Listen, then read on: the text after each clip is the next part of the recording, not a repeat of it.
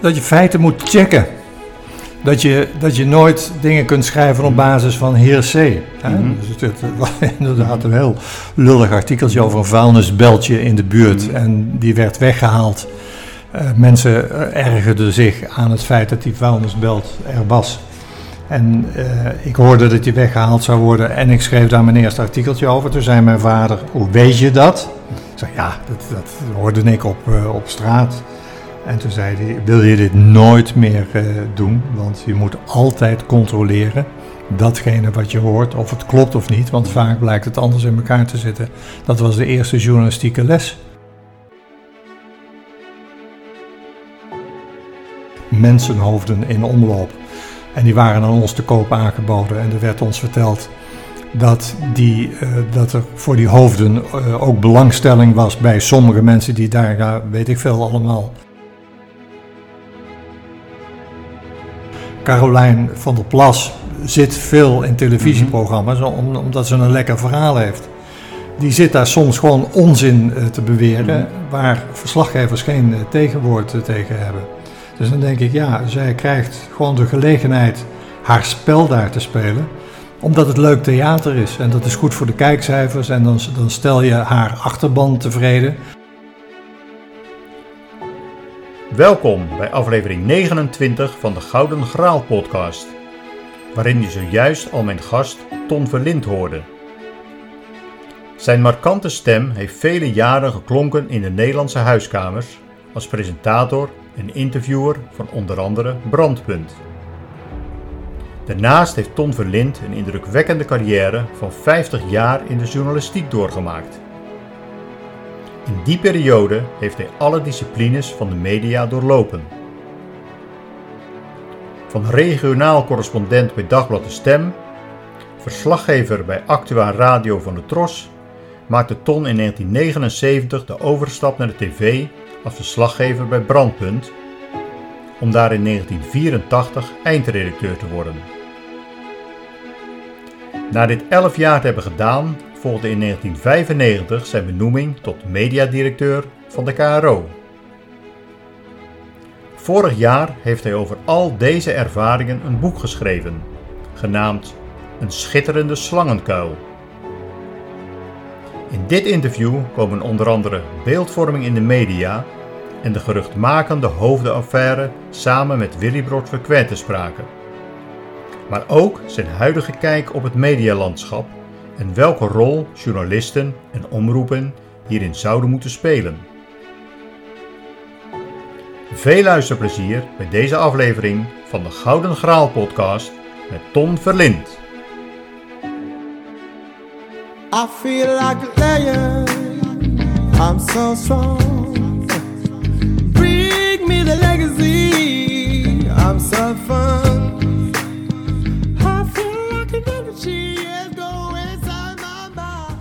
We zijn vandaag te gast bij Ton Verlind in, eh, in Hilversum.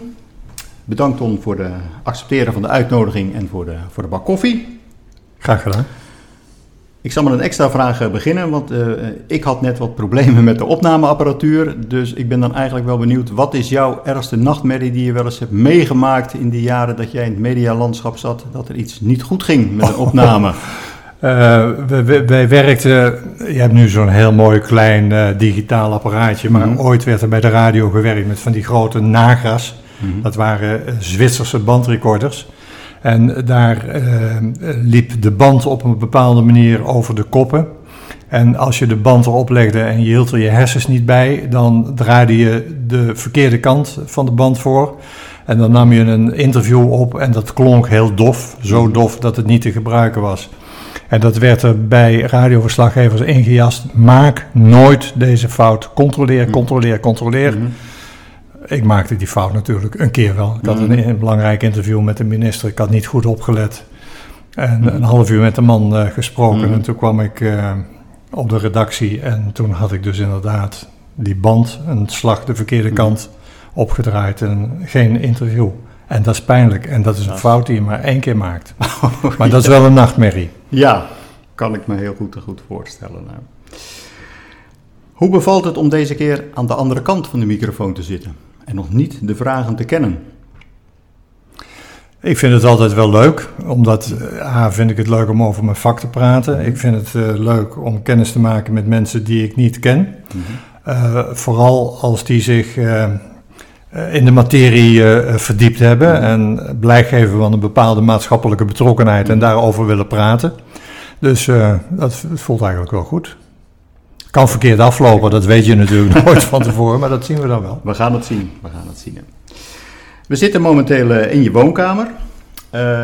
Kun je vertellen wat hier in die woonkamer voor jou de meeste waarde heeft? Ehm, aan, aan levende dingen of aan dode dingen? Het mag allebei. Ja, de meeste waarde heeft mijn echtgenoot is er nu mm-hmm. niet, anders zou ik die natuurlijk in de eerste mm-hmm. instantie noemen. Mm-hmm. Die, die is op het ogenblik druk met ook het schrijven van een boek en het uitgeven daarvan. Maar het meest waardevolle wat ik nu zie is mijn hond, Suzy. Die ligt daar ons op afstand in de gaten eh, te houden. Ja, ja. Die valt ons niet lastig, nee. maar die baakt heel goed over uh, de situatie hier in huis. Dat kan ik anders zien. Dat is een fantastische hond. Ik heb hem net al inderdaad. Uh, we hebben het er net in het voorgesprek ook al over gehad. Ja. En ook over je andere boeken, wat je erover uh, geschreven uh, hebt. En als het een, een niet levend iets zou moeten zijn, iets wat aan de muur hangt. of een bepaald voorwerp in je, in je woonkamer. Nou ja, dat, dat is eigenlijk de hele, hele inrichting van dit huis. Dat is meer de, de keuze van mijn echtgenote dan van mijzelf. Mm-hmm. Want ik, ik hou me niet zo met dat soort dingen bezig. Mm-hmm. Uh, maar dit huis dat ademt een, een, bepaalde tijdloze sfeer. Hè, met, mm -hmm. met meubilair dat oud is, maar design meubilair. Dus de, de, de, de tijd overleeft, de kunst aan, de, aan de muur. Dit is een, een echte veilige thuisbasis. En ik heb ooit in mijn werk wel eens meegemaakt in crisissituaties dat het onderheil van het werk ook in, in huis kwam. Mm -hmm. um, omdat mensen belden of omdat er bedreigingen uh, waren. Uh, er wordt nu over bedreigingen gesproken, maar dat hadden wij in onze televisietijd ook wel. En dan zie je hoe waardevol zo'n thuisbasis uh, is. Want als die basisveiligheid weg is, dan word je wel ongelooflijk onzeker. Dus alles wat je hier ziet, staat, ziet staan ja, dat, dat heeft die waarde van basisveiligheid. Nu is eigenlijk de aanleiding geweest dat ik hier bij je aan de, aan de tafel zit, is je, je boek wat je geschreven hebt. Een schitterende slangenkuil over 50 jaar journalistiek. Ik ben benieuwd, je bent nu al gepensioneerd, maar ben je nog steeds een nieuwsjunkie? Ja, journalist, dat is niet gebonden aan een bepaalde tijd. Ik ben mhm. begonnen toen ik 15 was. En ik heb het eigenlijk drukker dan, uh, dan ooit, want het nieuws volgen. Mm -hmm. en, en, dan meer de maatschappelijke ontwikkelingen dan, dan de, de, de feiten najagen, mm -hmm. zal ik maar uh, zeggen, wat er op het ogenblik in de samenleving gebeurt. Erover schrijven vanuit de veronderstelling dat je daarmee mensen toch weer wel uh, aan argumenten kunt helpen om te participeren in de, in de discussie. Dat zie ik nog steeds als een taak. Dus ik, het, is, het is nou geen betaald werk meer, dat hoeft ook niet, want ik ben goed uh, bediend door, mm -hmm. het, uh, door het leven. Maar journalist, dat blijf je. Het is een, voor mij is het een lifestyle. Kan ik me voorstellen, ja. Als je nu toch nog een keer even terug zou mogen gaan in je werkzame leven... en je zou een reportage mogen maken over de volgende twee nieuwsitems... wat zou dan je insteek daarvan zijn? En de eerste is de problemenopvang in Ter Apel... Hoe zou je dat, als je dat in een uh, actualiteitenrubriek zou moeten be belichten, welke insteek zou je daarvoor kiezen? Ik zou uh, natuurlijk in de eerste plaats compassie hebben met uh, de vluchtelingen daar. Mm -hmm. Maar dat is een beetje een politiek correct uh, antwoord. Want niemand zal op het ogenblik roepen dat hij die compassie niet heeft. Maar die com compassie heb ik ook wel met de, de eh, onderstroom in de samenleving, de mensen die zich ongerust maken over de ontwikkelingen zoals die nu plaatsvinden. Mm -hmm. En wel erg snel dan door reguliere media worden neergezet als recalcitrante, beetje racistisch ingestelde figuren. Terwijl ik denk dat dat voor heel veel van de Nederlanders niet geldt die maken zich echt ongerust over de, de gevolgen van de maatschappelijke ontwikkelingen waar we op het ogenblik mee geconfronteerd worden. En die worden te gemakkelijk uh, aan de kant uh, geschoven. Daar zouden we beter naar moeten luisteren. Wil niet zeggen dat je de onredelijke mensen in alle opzichten meteen gelijk moet geven. Uh, dat wil ik niet bepleiten, maar ik vind dat we wel beter zouden moeten luisteren naar de reële problemen die voortkomen uit onder andere het vluchtelingenprobleem wat we hebben. En er wordt met veel dédain naar, die, naar, naar veel van die mensen die deze problemen ondervinden gekeken. Dus compassie met vluchtelingen, maar ook compassie met uh, ja, de, de, de, mensen die zien dat er maatschappelijke ontwikkelingen plaatsvinden, waar ze erg veel last van hebben, omdat hun kinderen niet aan huizen kunnen komen, omdat het leven onbetaalbaar wordt, daar lopen we wat te gemakkelijk overheen. En ik zou dat proberen te compenseren. Het tweede geval, als je daar een reportage over zou uh, mogen maken, de afnemende populariteit van het Koningshuis. Ja, dat vind ik eerlijk gezegd helemaal totaal uh, oninteressant uh, onderwerp.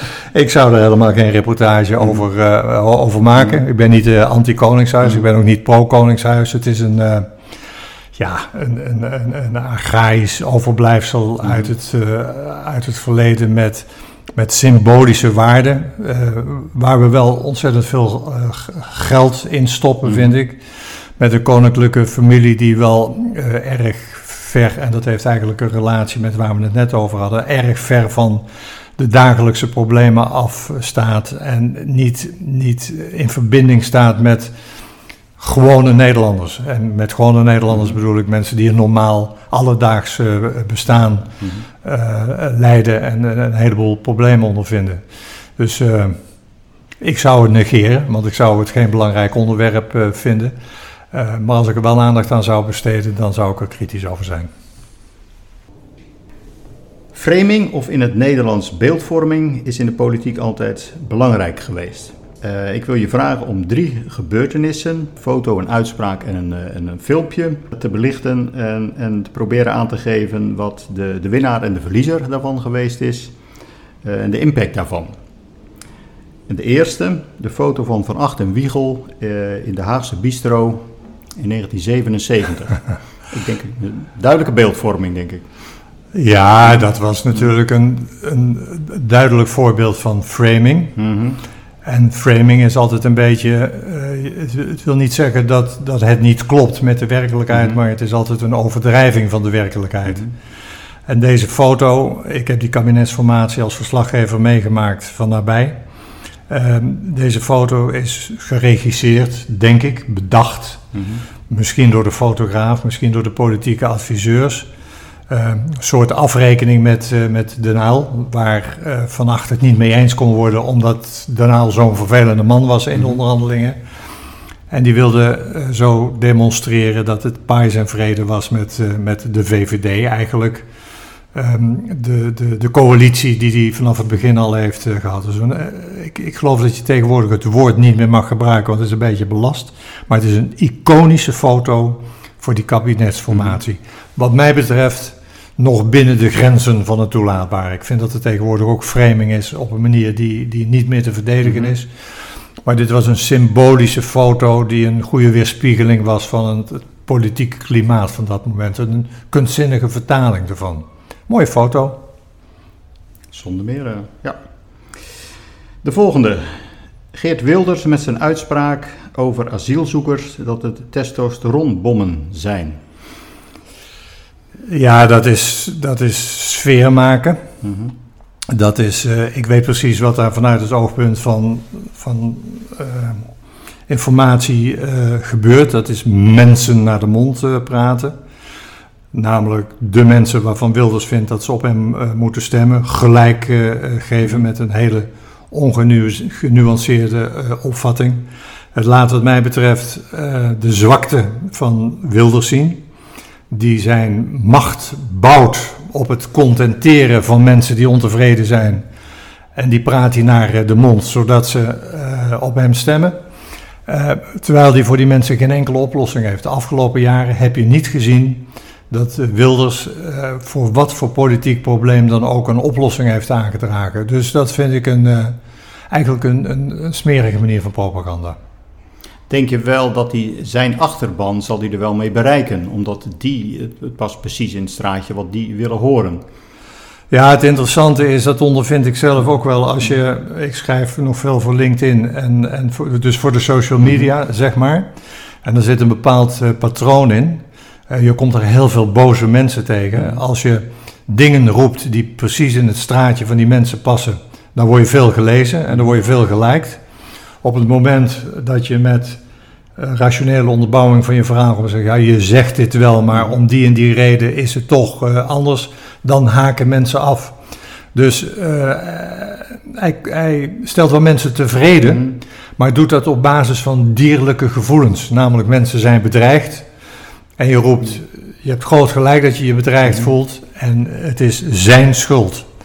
Uh, dat is een, uh, een, niet hele frisse manier van politiek bedrijven, vind ik. Het lost niks op namelijk. De derde in dit het rijtje is het filmpje waarin de Finse premier Sanna Martin Marin dansend en zingend te zien is. Heeft onlangs ook vele ophef over geweest. Ook denk ik wel, beeldvorming is hier toch wel belangrijk in.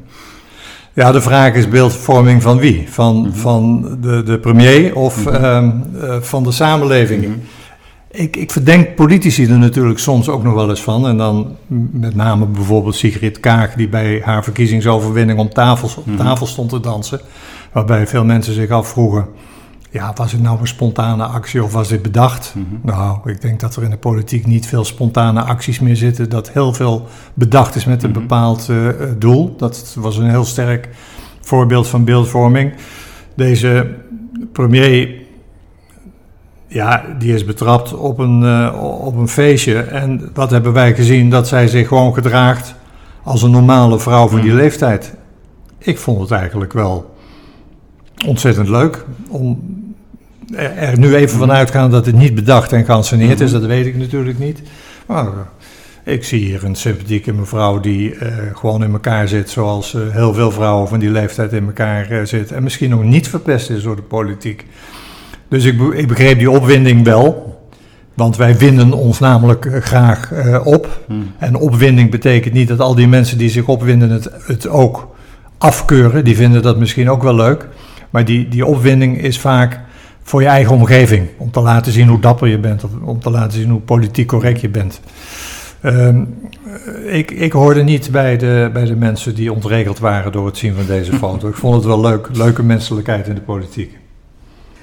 Dan gaan we nu even een, uh, een stukje terug in de tijd. Je volgde als uh, 15-jarige in de tijd uh, je vader op als correspondent van de regionale krant. Wat heb je geleerd over je eerste artikel? Dat ging over de verplaatsing van de plaatselijke vuilnisbelt. Nou ja, dat je feiten moet checken.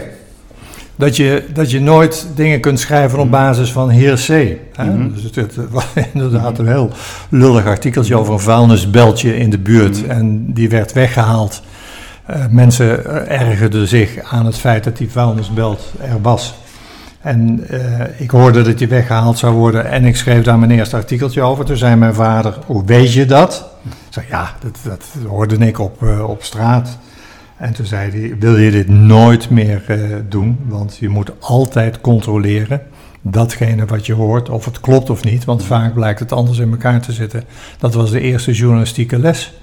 En die geldt eigenlijk nog steeds, want uh, als je ziet op social media hoe er gediscussieerd wordt en geopineerd wordt op basis van veronderstellingen, dan is dat een soort nationale uh, kwaal uh, geworden. Hè? Dus daar ontstaan bij mensen alle mogelijke ideeën, zonder dat ze ooit nog de achterliggende feiten controleren. Dus ehm, voordat je iets roept, controleer of het klopt en controleer het bij betrouwbare bronnen. Dus niet bij alle mogelijke dubieuze bronnen op social media.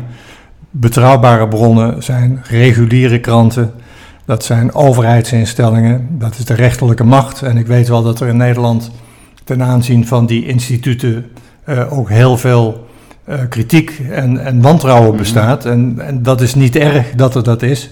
Maar in een democratie moet je nog wel iets uh, als waarheid bereid zijn om te accepteren. Hè? En op het moment dat je gaat twijfelen, bijvoorbeeld ook aan de wetenschap of wetenschappelijk onderzoek bij universiteiten, dan ben je bezig met het fundament onder de samenleving uit te slaan. En daarmee zeg ik niet dat het altijd klopt, wat overheidsdiensten zeggen en wat er eh, uit wetenschappelijk onderzoek eh, blijkt. Integendeel, Er worden grote fouten gemaakt.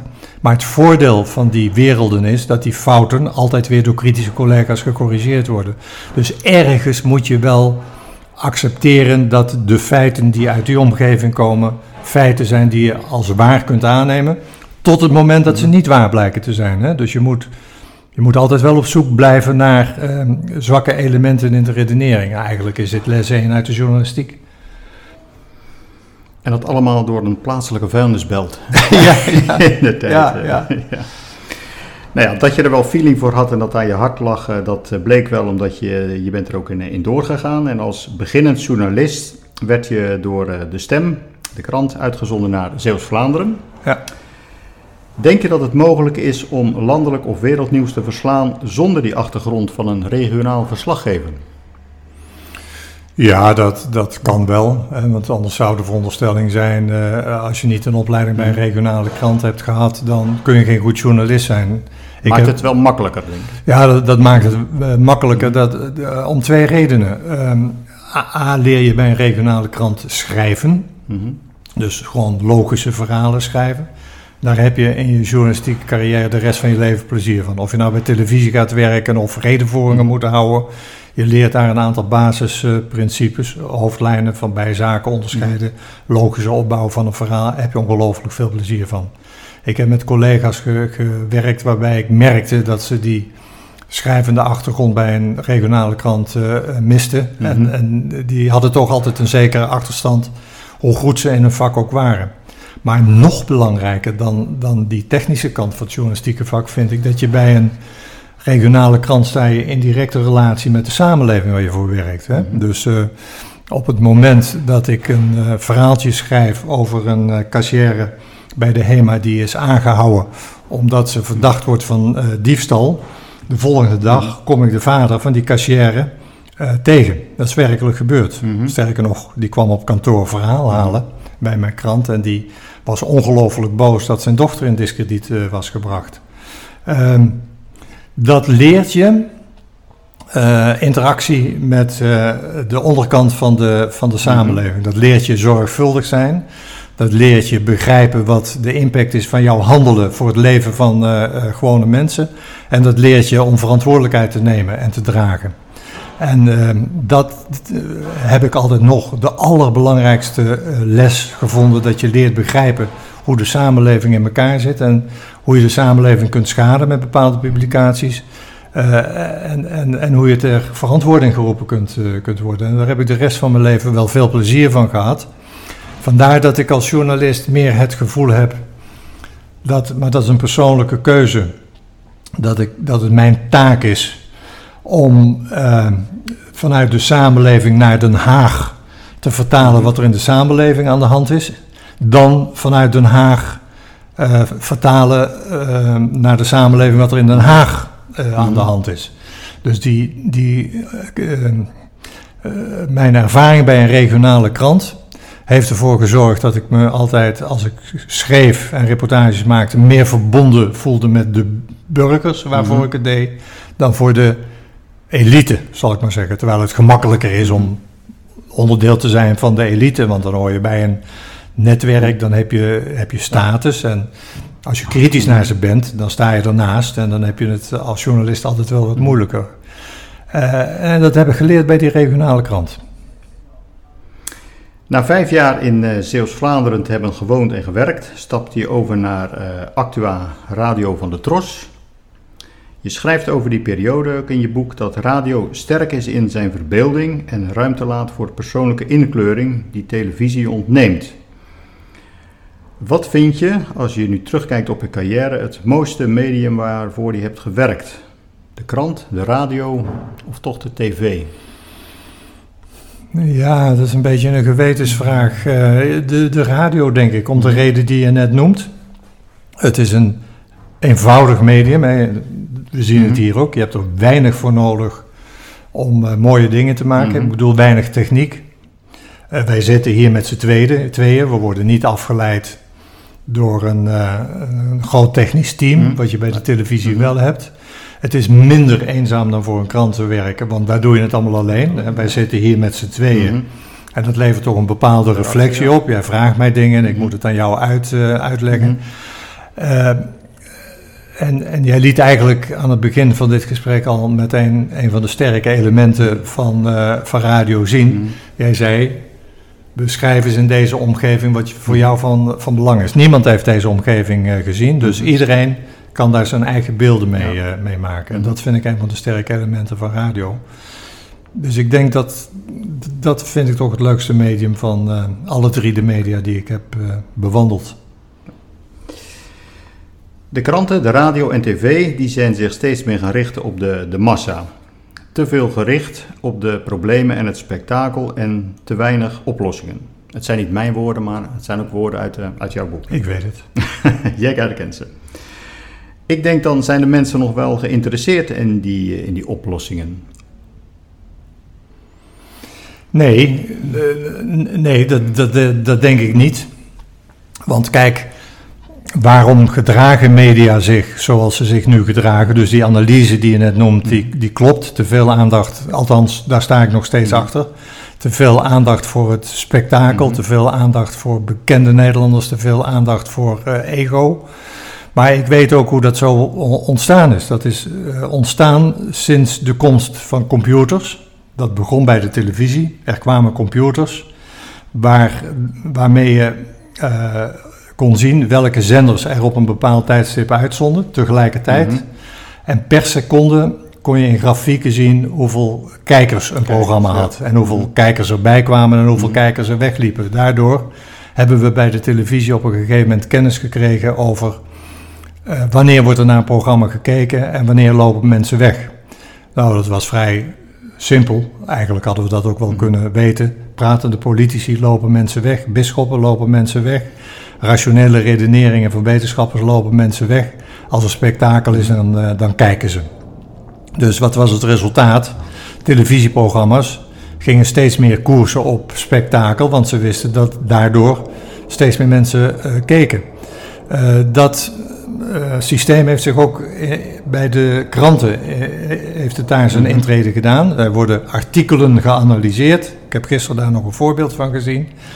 En dan wordt er uh, uh, gekeken op welk moment lezers een, hun aandacht voor een artikel uh, verliezen en wanneer het de aandacht trekt. Nou, ook weer dezelfde mechanisme, mechanisme. Als het om emotie gaat, droefenis, ellende, dan zijn oh, mensen allemaal wild en kijken ze. Op het moment dat er rationaliteit komt, uitlegt, de dingen zitten niet in elkaar zoals je denkt, ze zitten anders in elkaar, dan zijn ze weg. Dus uh, dat de media steeds meer gericht zijn op spektakel komt omdat wij lezers en kijkers dat vragen. En om terug te komen op jouw vraag, betekent het dat wij niet meer geïnteresseerd zijn in oplossingen? Ik denk dat dat een, een antwoord is op. De, ja, nee, wij zijn. Wij, we vinden het lekker om in de problemen te blijven hangen. En uh, op het moment dat problemen worden opgelost uh, moeten we ons opnieuw uitvinden? Uh, zijn we uit onze comfortzone uh, gehaald en moeten we weer opnieuw onze positie in het leven bepalen? En mensen houden niet van verandering. En ik denk dat dat de verklaring is voor het feit dat spectaculair nieuws scoort.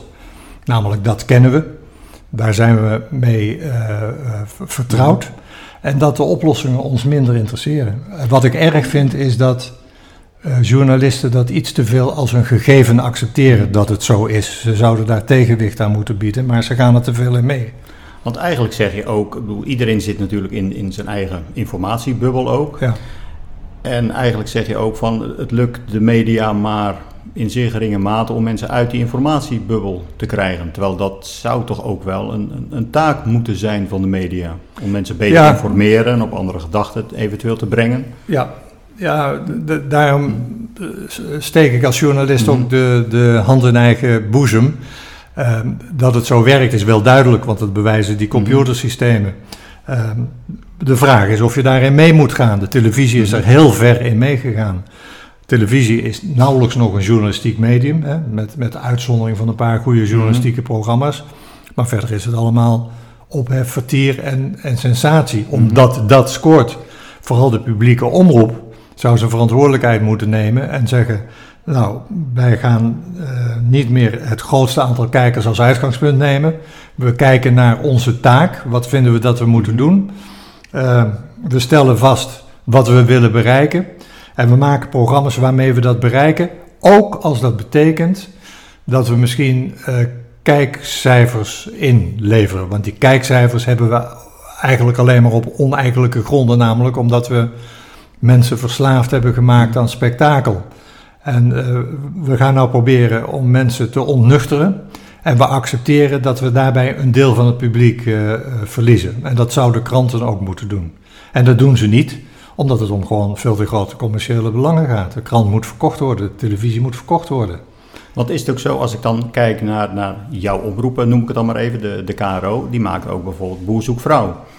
Dat is een, een, een, kijkcijferkanon. Ja. Het is de vraag, is dat van een, een, een hoog informatief gehalte? Is dat een, een, een programma wat je eigenlijk door een publieke omroep zou verwachten?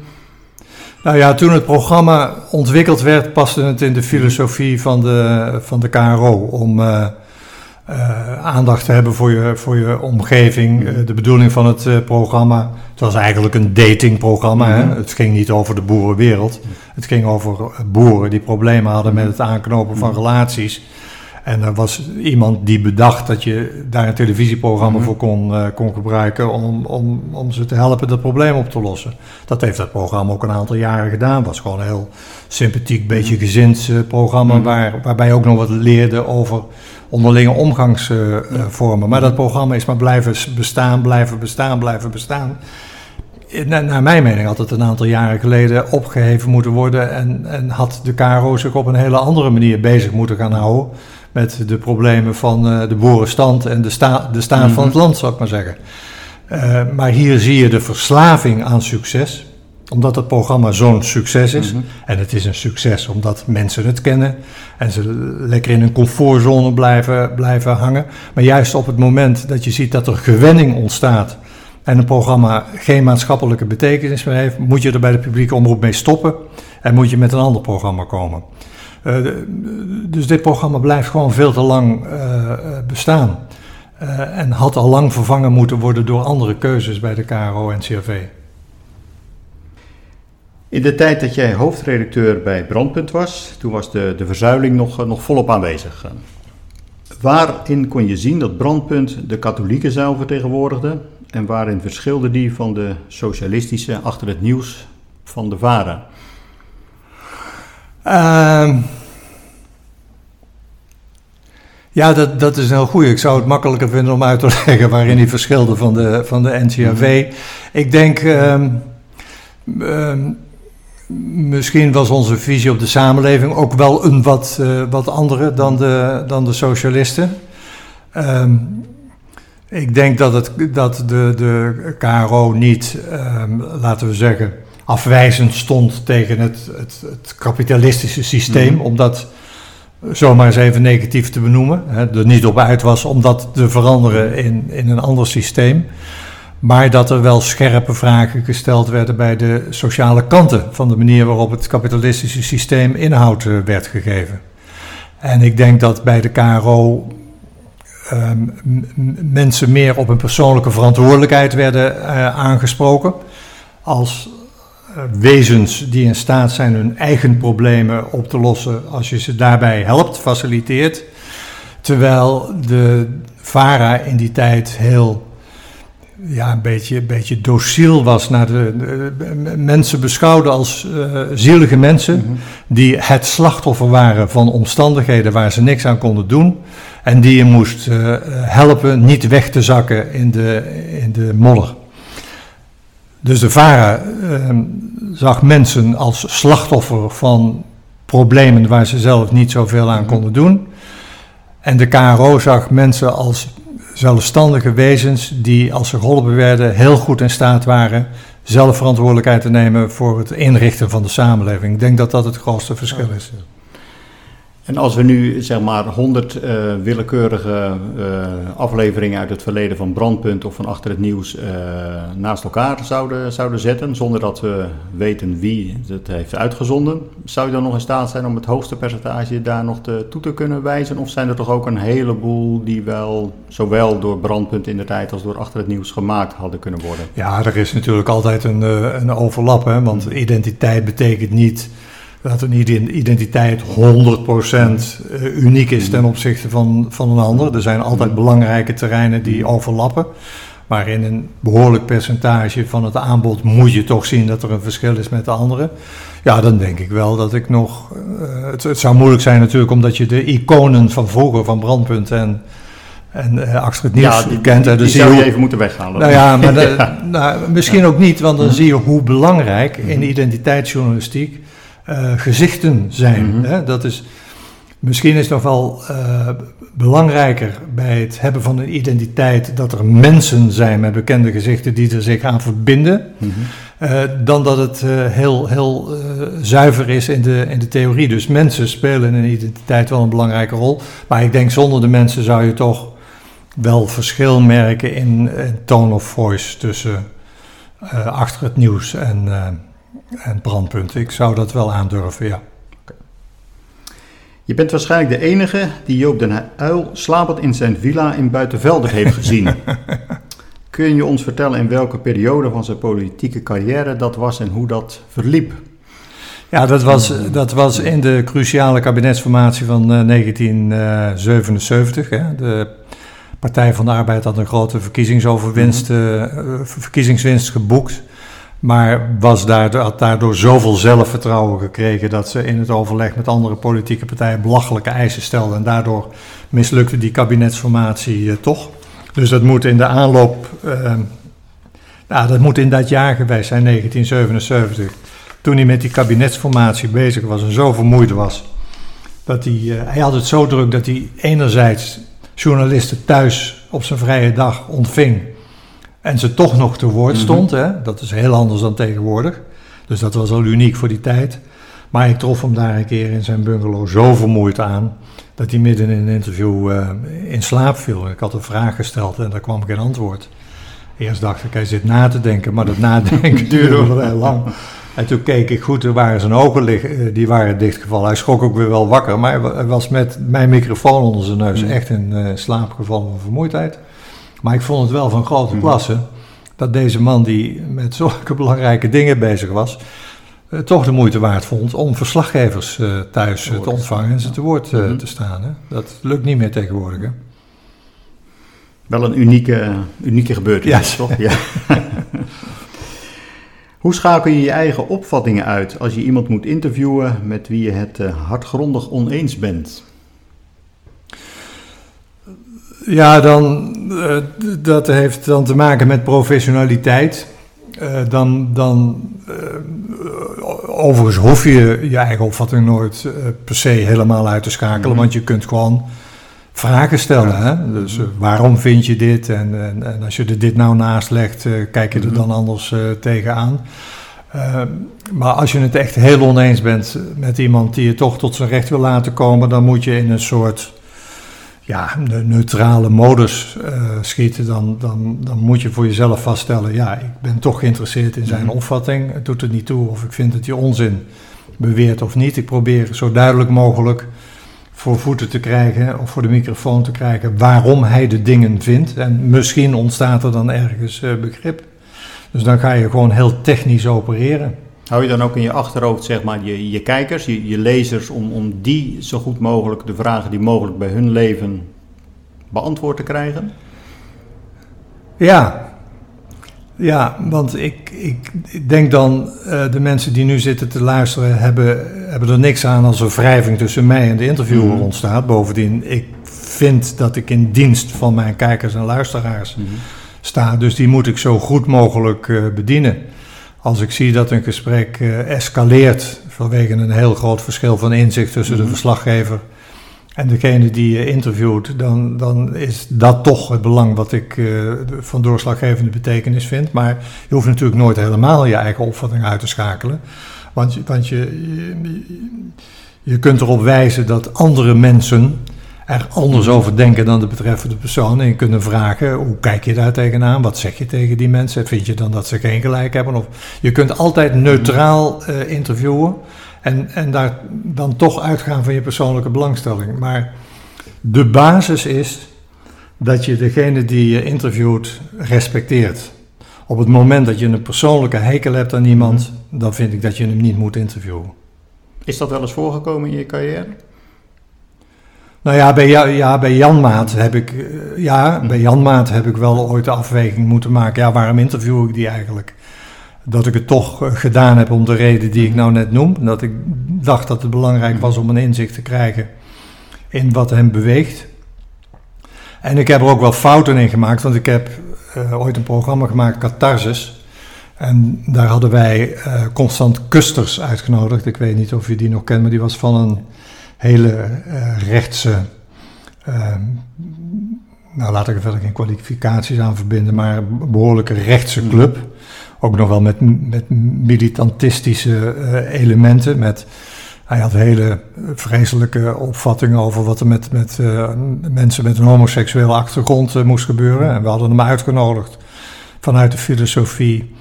Ja, je moet ook je vijand leren, leren kennen. Mhm. En toen hadden we een gezelschap in de studio wat heel erg vijandig stond tegenover Kusters. En toen heb ik mij, omdat ik niet de indruk wilde wekken enige sympathie voor hem eh, te hebben, heb ik ben ik wel een beetje uit mijn rol als interviewer uh, gevallen. Ben ik ook verwijtend gaan, uh, gaan interviewen. En daarvan dacht ik achteraf, ja, dat is dus niet juist. En dat kwam ook omdat een, een, collega mij belde.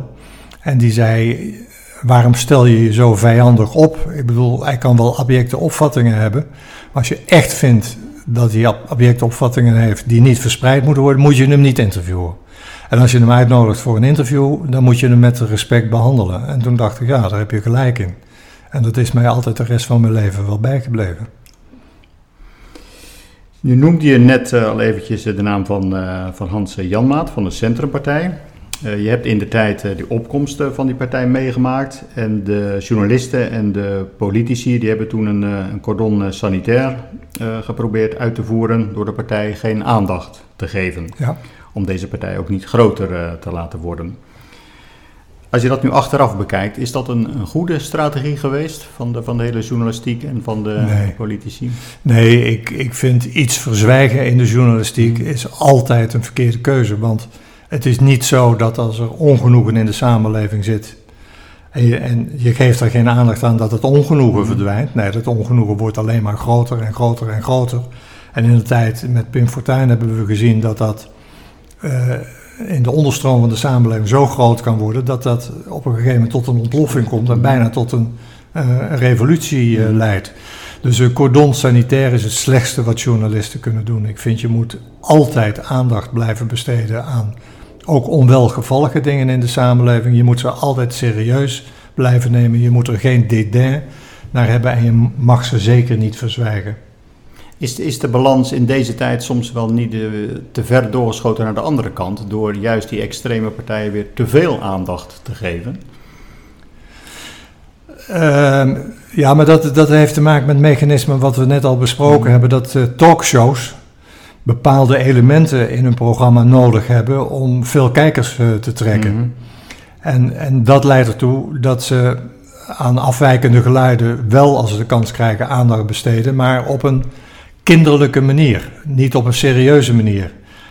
je, als je naar op één kijkt en er zitten mensen aan tafel met een uh, afwijking, met een opvatting die afwijkt van wat bij journalisten gebruikelijk uh, is aan opvatting, dan zie je dat die mensen eigenlijk altijd minder kans krijgen om uh, hun standpunten toe te lichten dan de mensen met de politiek correcte meningen. Mm -hmm. Ze zitten daar toch vanuit een bepaald dédain, ja je bent een wappie, uh, Marcel, uh, Maurice de Hond is daar een voorbeeld uh, van. Die nemen journalisten niet serieus. En misschien in sommige opzichten hebben ze daar gelijk in en in andere opzichten niet. Als die aan tafel zit, dan kan hij er gif op innemen dat hij een vijandige houding treft. Dus hij zit er wel, mm -hmm. omdat uh, ze deze geluiden niet willen negeren, want dan komen ze onder kritiek. Maar die mensen zitten daar nooit aan tafel met de bedoeling om echt te doorgronden wat ze te vertellen hebben. Dus ja, er is wel veel aandacht voor dat soort ontwikkelingen, maar eigenlijk tegenwoordig altijd op een karikaturale manier. Carolijn van der Plas zit veel in televisieprogramma's omdat ze een lekker verhaal heeft die zit daar soms gewoon onzin eh, te beweren, mhm. waar verslaggevers geen eh, tegenwoord eh, tegen hebben. Dus dan denk ik, ja, zij krijgt gewoon de gelegenheid haar spel daar te spelen, omdat het leuk theater is. En dat is goed voor de kijkcijfers en dan, dan stel je haar achterban tevreden. Maar ze krijgt niet een serieuze journalistieke behandeling. Dus het is karikaturaal allemaal. En dat is misschien nog wel erger dan dingen verzwijgen. In Brandpunt, uh, in de tijd dat je daar werkte, uh, heb je ook samengewerkt met uh, Willy Brood. Ja.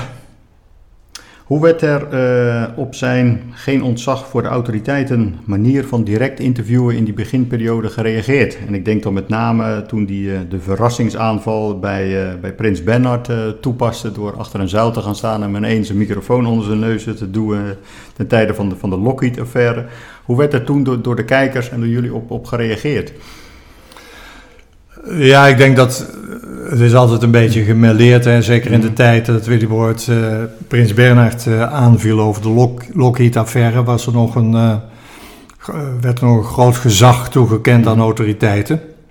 Dus het werd je niet in dank afgenomen als je als verslaggever autori autoriteiten tackelde. Mm -hmm. Dus dan kreeg je altijd wel ruzie met een deel van het publiek. Een deel van het publiek vond het prachtig. Maar autoriteiten hadden daar altijd wel problemen uh, mee. Dus je kreeg daar wel gedonder uh, mee. Het werd, je werd er niet populair door. En uh, als je gedonder hebt met autoriteiten, dan betaal je daar altijd een zekere tol voor. Want dan, dan willen ze je niet meer te woord staan. Of via bestuurlijke circuits proberen ze je het het zwijgen op, uh, op te leggen. Dus als verslaggever word je er eigenlijk nooit beter van. Was het toen in de tijd ook niet een beetje wat je net noemde, ook zeg maar om, om de, de kijkcijfers beter, beter te scoren? Meer, meer de sensatie uh, wat meer op te zoeken? Ik, ik denk dat uh, dit, dit speelde zich al ver voordat ik bij Brandpunt werkte, dus dat ken ik ook alleen maar als televisiekijker. Nee, ik denk dat dit, dit hoorde wel echt bij, bij Willy Boort uh, Frequin. Uh, dan moet ik er wel bij zeggen dat Willy Boort Frequin verdomd goed wist wat hij moest doen om spectaculaire mhm. televisie te maken. Hè? Dus uh, uh, dan, is er nog enige twijfel tussen de vraag: vond hij dat nou een belangrijk uh, thema of vond hij het een prachtige gelegenheid om ook zichzelf te profileren? Dat zal een. Het was natuurlijk ook een beetje journalistiek mhm. theater en dat wist hij ook wel, want hij was daar binnen. En hij wist natuurlijk ook dat hij geen enkele relevante vraag kon stellen of dat hij daar geen antwoord op mhm. kon. Dus, dus dit deed je voor de beeldvorming. Mm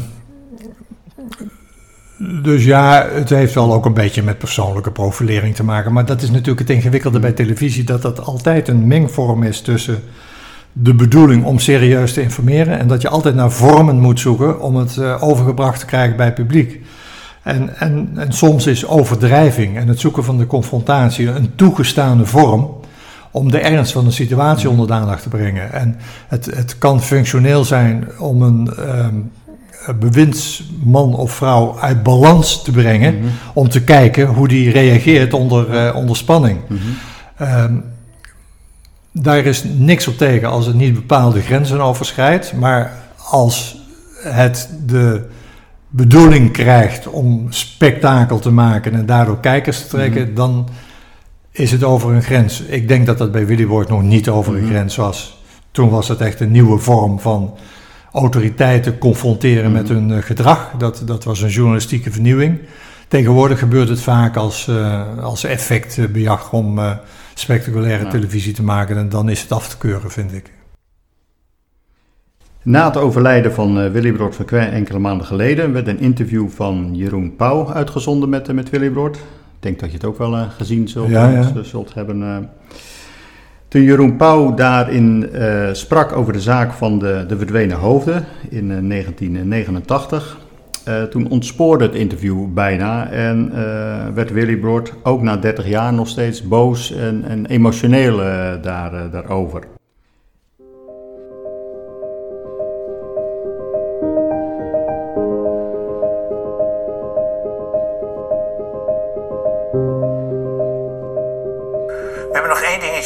Voor, voordat het weer wat, wat, wat vrolijker wordt.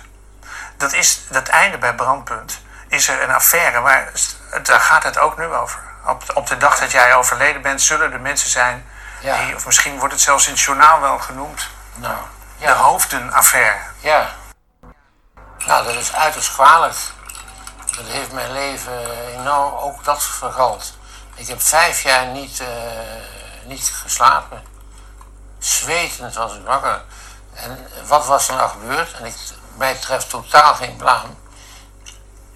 Er, wa- er was het gerucht, eh, nee, ik, ik, ik had de tip gehad in Amsterdam, van dat eh, hoofden en zo gevonden waren en er werd- in, eh, gehandeld. Nou, dat heb ik toen aan Tom van Lint gegeven. En ik zei, nou, dat vind ik te heftig om... Tom van Lint was de eindredacteur van Brandpunt. heeft het helemaal uitgezocht. En ik heb toen alleen de reportage gemaakt gedurende een uur. Vind je dat jij zelf helemaal niks fout hebt gedaan? Ja, Ja? absoluut. Het heeft, eh, als je het, als je het... En nu heb ik alweer spijt ervan dat ik aan dit programma heb meegewerkt. Nee, dat is niet waar. Ja, echt. Waarom? Nou, ik wil niet hebben dat mijn kinderen zo eh, eh, dit over hun vader horen. Ik ben gewoon een hele oprechte man. Want ik ben een hele uh, redelijk zeeman. Ja, en ik zal nooit de zaak belazen of wat dan ook. En dat anderen dat ervan gemaakt hebben. Volgende onderwerp. Volgende onderwerp komt hieruit voort. Het was het einde van Brandpunt voor jou. Nee, helemaal niet. Als, daar ga je toch op door. Ik heb mezelf teruggetrokken Ja. voor de zuiverheid van Ja. eh, het onderzoek. Ja. Ja. Maar goed, je bent, je bent toch uiteindelijk ben je niet meer als verslaggever van Brandpunt echt nog aan de slag gegaan. Je bent andere dingen Ja, gaan maar ik zei dat ik er niet meer over wilde praten. Je Ja, daarom, eh, ik- daarom kom ik naar het volgende Ja. onderwerp.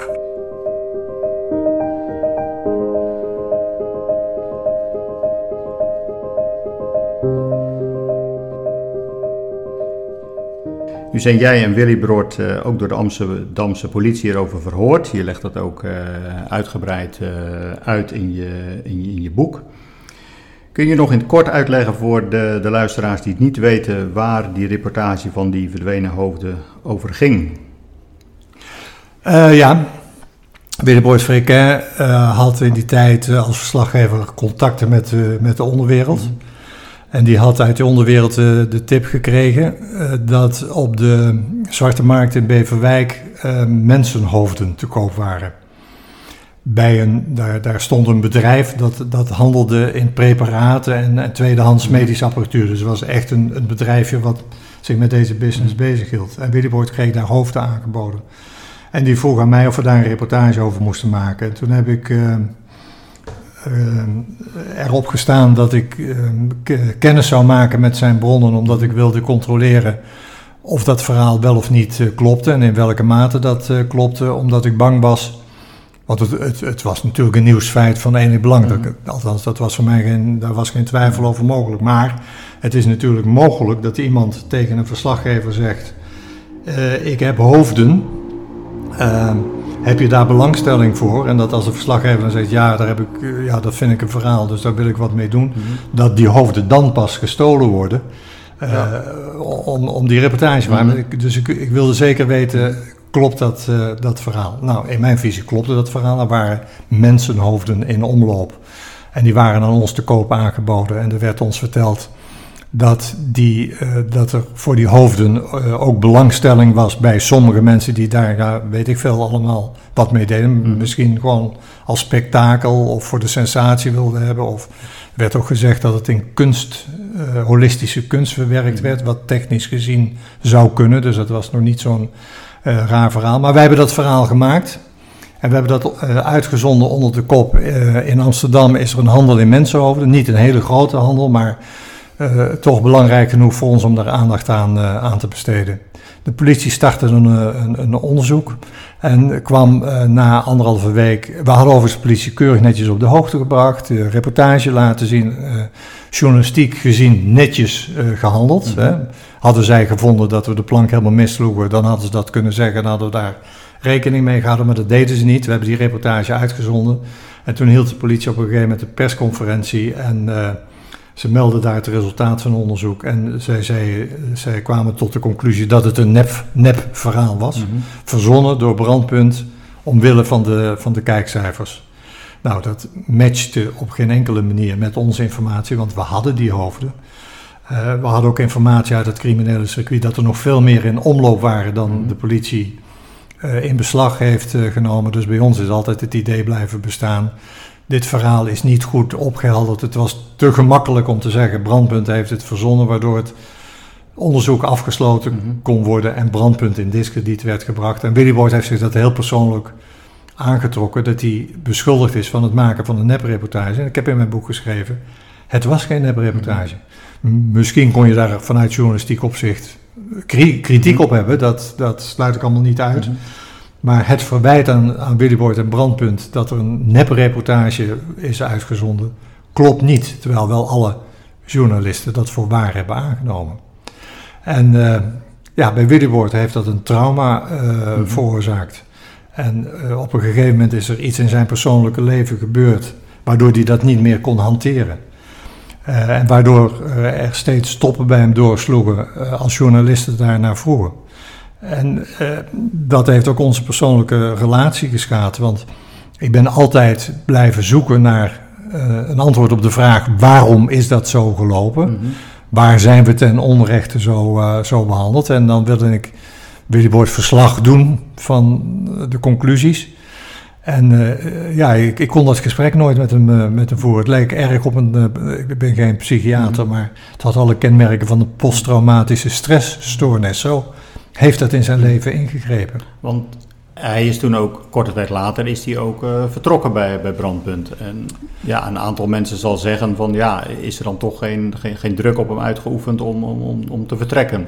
Nee, nee dat, dat, dat heb ik ook gelezen. Dat hij eh, ontslagen zou zijn om die reden. Dat klopt niet, want hij is pas drie of vier jaar later bij de Caro eh, weggegaan. Ehm, de druk op brandpunt op dat moment was zo groot. En de kritiek was zo groot. En de polemiek was zo groot. Dat we even. eh, het had geen zin meer om nog eh, te discussiëren. Mhm. Of tegenargumenten eh, te geven. Mensen hadden hun positie ingenomen. En het was een crisissituatie. En we moesten verder bij, bij Brandpunt. Mhm. Dus we hebben op een gegeven moment besloten om die zaak af te sluiten. Daar niet meer eh, mee bezig te zijn. Er kwam een onderzoek bij de KRO door een clubje wat eh, keek of Brandpunt fatsoenlijk handeld had. Mhm. En we dachten, zolang dat onderzoek loopt, hebben we het niet over deze zaak. En houden we Willy Brood even uit de wind. Want het was voor hem geen werk. Overal waar hij in het land kwam, werd hij Mhm. aangesproken op die kwestie. En niet, niet alleen niet door mensen die per definitie het niet eens waren met, eh, met Brandpunt. Maar het, het, het leverde ontzettend veel polemiek op. En het was verstandiger om het even rustig aan te doen. En net in die periode was de commerciële televisie in opkomst en was Joop van den Ende vertrokken bij de KRO. eh, en, en werden er nieuwe programma's eh, ontwikkeld. En Willy Boyd had de ambitie om wat meer in de amusementaire hoek eh, te doen. Mhm. waar, waarvan ik vond dat dat niet heel goed te combineren was met journalistiek werk. Dus zijn eh, journalistieke carrière is toen eigenlijk vervangen door een, door een amusementaire carrière. De week van Willy Brod. De week, nou ja, op een gegeven moment Mhm. mislukte dat bij de Mhm. KRO, want het leverde programma's op waar de KRO niet zoveel mee kon. En Mhm. toen heeft hij is zijn eh, samenwerking met de KRO geëindigd en toen is hij naar de commerciële televisie gegaan en toen is hij de week van Willy Boyd gaan maken. En dat laat zien dat, dat Willy Boyd zijn persoonlijke ontwikkeling een richting uitging waar de KRO niks mee kon. Mhm. Maar op geen moment is, is Willy Boord op non-actief gesteld of heeft een berisping gekregen of eh, is niet om die reden ontslagen bij de KRO.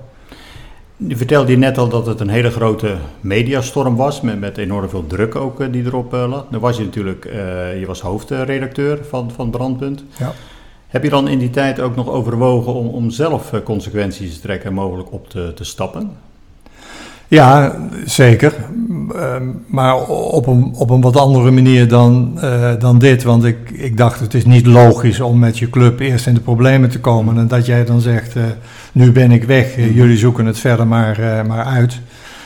Maar ik was wel bereid om de consequentie te nemen in die zin dat als de KRO had besloten dat ze met mij niet verder wilden of met Willy Boy niet verder wilden, ja, dan, dan had ik dat wel begrepen. Mhm. Eh, ik, ik, daar zat ik verder ook niet zo verschrikkelijk eh, mee, want ik dacht, ik ben ooit vanaf nul begonnen. Dus eh, als dit ophoudt, dan gaan we weer wel wat anders Mhm. doen. Maar ik, ik dacht, je, je verlaat geen schip wat in, eh, in, in een storm eh, verkeert, tenzij iemand tegen jou zegt, Mhm. weg. Want we hebben nou iemand die het beter kan. Dus ik wilde niet weglopen. Maar ze hadden mij weg mogen sturen. En waarschijnlijk als dat onderzoek anders was uitgepakt. Dan Zo. was het duidelijk geweest, dan, dan had ik denk ik niet anders dan de conclusie kunnen trekken. Ja, ik heb zo de plank eh, misgeslagen, het vertrouwen is nu weg. Dan moet je zelf de consequentie eh, accepteren. Maar dan was in ieder geval de club uit, uit de, de woelige tijd eh, weg. Maar dat onderzoek was helemaal niet zo negatief. Als je kijkt naar het huidige landschap van de, van omroepen, dan heb je eigenlijk een soort grote tweedeling. Hè? We hebben de publieke en we hebben de, de commerciële eh, omroepen. Nou, hoe zou jij als erkend omroepman, eh, mag ik je toch wel noemen, omdat je zo lang eh, werkzaam bent, eh, bent geweest eh, in, die, in die wereld. Hoe zou jij een ideale publieke omroep inrichten? En wat zouden de kijkers hierin voor programma's te zien krijgen? Ja, dat is een beetje een gewetensvraag. In mijn visie is de primaire taak van de publieke omroep om eh, een bijdrage te leveren aan het verkleinen van de tegenstellingen in de samenleving. De publieke omroep moet met samenlevingsopbouw bezig zijn, moet met de toekomst eh, bezig zijn, moet politici bij de klatten pakken en zeggen: jullie moeten eh, meer visie op de toekomst hebben. De publieke omroep moet een rol spelen in het bestrijden van de polarisering. Eh, dat, dat is een informatieve taak. Eh, dus in mijn visie zou de publieke omroep zich veel meer op die taak moeten richten door hele goede journalistieke programma's te maken, meer dan wat ze nu maken. En nou vind ik overigens niet dat je een journalistieke taak alleen maar kunt uitoefenen door puur journalistieke programma's te maken. Het is ook heel goed denkbaar dat je ehm, de polarisatie bestrijdt door via een quiz mensen goede eh, Mhm. informatie te geven. Maar dan is het doel informatie geven en, en mensen helpen een mening te vormen. En het doel is niet om amusement te maken om grote kijkcijfers eh, te realiseren. Maar moet ik dan een beetje denken aan wat Arjan eh, Lubach doet? Ja, dat is een hele nieuwe vorm van journalistiek. Dat vind ik wel een vorm van journalistiek. Maar het kan ook tot uitdrukking komen in, in eh, drama-series. Hè. Ehm, de KRO heeft in de tijd de Engelse detectives geïntroduceerd. Mhm. En mensen hebben wel eens aan mij gevraagd, dat, dat heeft ook niks te maken met de identiteit van de KRO. Nou ja, ik, ik vind ook niet dat bij elk programma waar je naar kijkt, je het gevoel moet hebben dat je met de identiteit van een omroep te maken hebt. Maar het had er wel degelijk mee te maken, want eh, het was een bewuste keuze om detectives uit te zenden waar een, een bepaald maatschappijbeeld achter zat. Dus niet puur eh, geweld, geen grenzen over sch- eh, schrijden in het res- respectloos behandelen van, eh, van mensen. Dus daar, daar zat een bepaalde levensopvatting in, die op een mooie, dramatische manier onder de aandacht werd Mhm. gebracht. Hè? Dus journalistiek opereren betekent niet alleen Nieuwsuur, dat betekent ook Arjan Lubach, dat betekent sommige dramaseries waar een maatschappelijke visie achter zit. Dat betekent misschien ook wel sommige quizzes maken die Mhm. de bedoeling hebben om te informeren. Eh, ik- wat mij betreft zou de publieke omroep meer naar die kerntaak eh, gaan en kijken welke genres je nodig hebt om dat doel te realiseren en alle onzin daaromheen weg. Maar kom je dan weer niet in, in de valkuil waar we het eerder over hadden, de kijkcijfers? Want vaak zal het net wat minder scoren en dan beginnen er alweer alarmlampen te branden, denk Ja, ik. dat, dat, dat, dat is zeker zo. Mhm. Maar wat heb je aan kijkcijfers als mensen kijken naar eh, onzin, waar ze verder helemaal Mhm. niks van opsteken, die eh, uiteindelijk alleen maar bedoeld is voor eh, plat vermaak. Hè? Er zijn hele series programma's van de publieke omroep, denk ik op het ogenblik aan te wijzen, waarbij je afvraagt wat is hier eigenlijk de doelstelling nog? Ik, eh, eh, WNL gaat nu een programma maken waarbij ze de, bodyguard, bodyguards gaan op, opleiden en eh, dat zal misschien leiden tot een bodyguard van het jaarverkiezing of zo. Ik weet niet, moet, moeten we nog even in, in verdiepen. Nou ja, dat, dat vind ik nou niet bepaald een taak voor de publieke omroep. Tenzij je dit als draaggolf gebruikt om hele wezenlijke ehm, maatschappelijke informatie over te brengen. Maar dat gebeurt vaak niet bij de publieke omroep. Eh, daar worden programma's uitgezonden die je net zo goed bij de commerciële omroep zou kunnen uitzenden. Nou ja, stel je nou dat je daar een miljoen kijkers mee hebt. Wat heb je nou aan een miljoen kijkers die je programma's voorschotelt die helemaal niets veranderen in de mindset van, uh, van mensen? Heeft het niet puur ook met geld te maken? Want een, puur, een programma wat goed scoort, levert meer reclameblokken van, van de sterreninkomsten op. Ja, ook het met twee dingen. Mm. Daar heeft het uh, mee, uh, mee te maken. Een deel van de inkomsten van de publieke omroep komt uit reclame. Mm. En populaire programma's leveren meer geld op. Maar het heeft ook te maken met angst dat er in Den Haag uh, een discussie ontstaat. Waarbij de tegenstanders van de publieke omroep zeggen: ja, jullie marktaandeel loopt terug. Dan kunnen we er wel mee stoppen. Of we kunnen het halveren. Want uh, dan kunnen we het beter overlaten aan de commerciële televisie. Maar dat heeft de publieke omroep over zichzelf afgeroepen door te accepteren dat ze op marktaandelen worden afgerekend. Mm. Terwijl zij afgerekend zouden moeten worden op maatschappelijke impact. Wat brengen we teweeg? Uh, waar kunnen we de positieve resultaten van de publieke omroep laten zien? Daar moeten ze op afgerekend worden. En kijkcijfers zijn natuurlijk belangrijk. Want een, een publieke omroep die uh, prachtige verantwoorde programma's maakt waar verder niemand naar kijkt, heeft ook geen impact. Dus er moet een balans zijn. Maar nu is de balans erg, uh, slaat hij door naar uh, zo groot mo mogelijke marktaandelen. Want wij willen marktleider zijn. En daarvoor heeft de publieke omroep heel veel kwaliteitsconcessies gedaan. En daar heeft vooral de journalistiek, de kwaliteit van de journalistiek onder geleden. En het zou meer journalistiek moeten worden. Meer journalistieke denkwijze en minder amusementair. Voordat we overgaan tot uh, de vaste slotvraag aan het einde van het interview en we een, uh, een plechtig fotomoment gaan, gaan vastleggen met uh, de bekende Gouden Graal podcast Koffiemok, wil ik je vragen of er nog een bepaalde vraag is die ik je vergeten ben te stellen of die je nog kwijt zou willen. Of ik het leven nog wel leuk vind met alle ellende waar je het in de journalistiek tegenwoordig over hebt. Ik, ik, ik had verwacht dat je die vraag zou stellen. Beantwoord hem dan gelijk maar. ja, ik heb een ongelooflijk uh, uh, geloof in de veerkracht van de, van de Nederlanders. Dus ik zie wel dat er heel veel mis is. Maar ik denk ook dat het een vertekend uh, beeld is. Um, vooral omdat het beeld door de politiek uh, wordt bepaald op het ogenblik. En daar klopt een heleboel niet. Maar laten we eerlijk zijn, het is maar een deel van, van, van Nederland. Um, er is sprake van een overtekend beeld vanwege de mechanismen die we hier uitvoerig uh, gesproken hebben, dat emotie en negatief nieuws handelswaar is. En dat kom je daar om die reden veel tegen bij de televisie en, en in de kranten. Dus dat levert een vertekend beeld.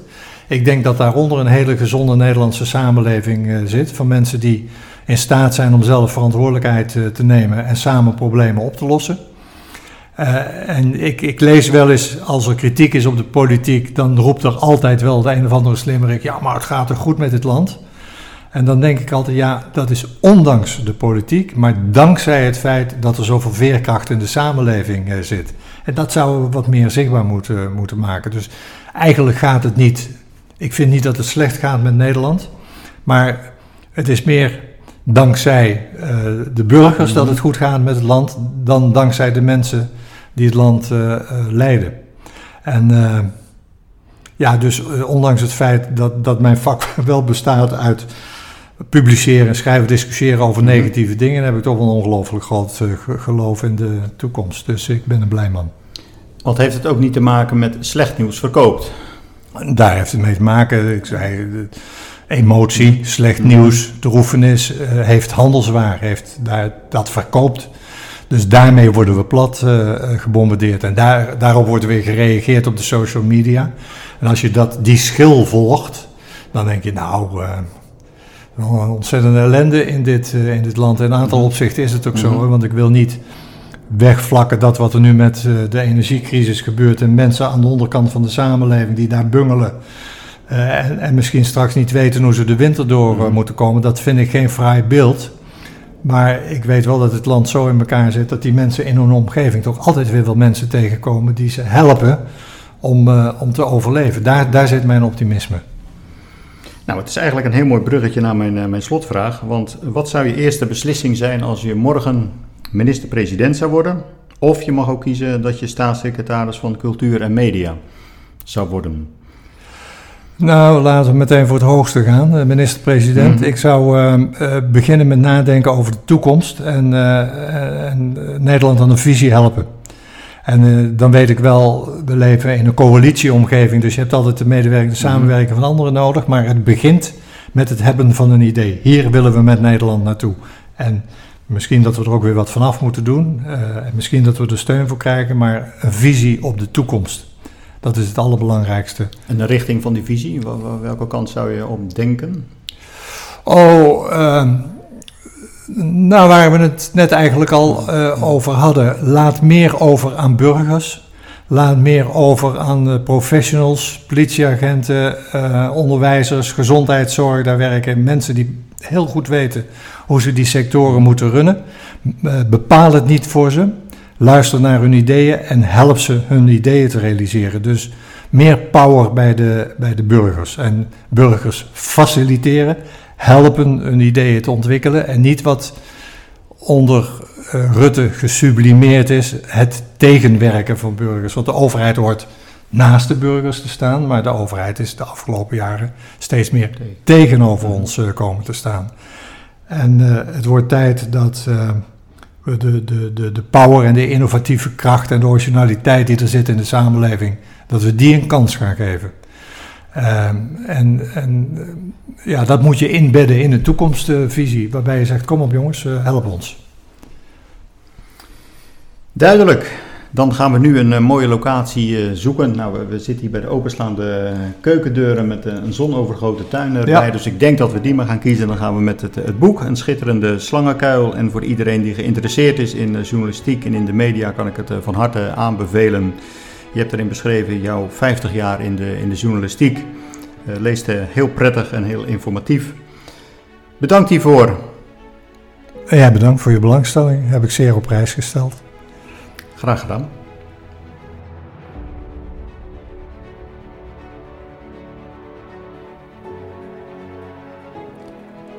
Als gewone consument van nieuws staan wij er niet altijd bij stil welke keuzes er voor ons genomen worden. De keuze van de onderwerpen, welke mensen er aan het woord komen of vanuit welke kant de insteek is, blijven voor ons verborgen.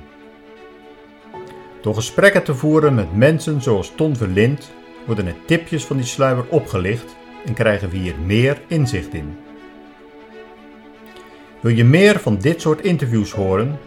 Vergeet je dan niet te abonneren in je favoriete podcastspeler om automatisch een melding bij een nieuwe aflevering te krijgen.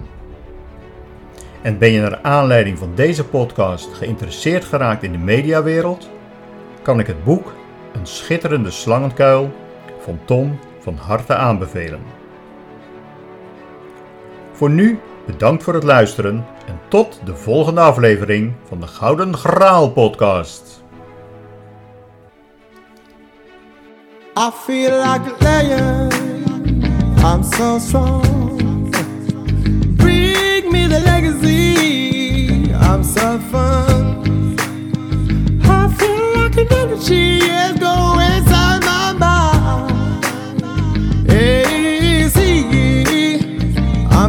fun. Come on, let me breathe. Ah, come on, let me breathe. Yeah, come on, let me breathe. Let me breathe. I'm no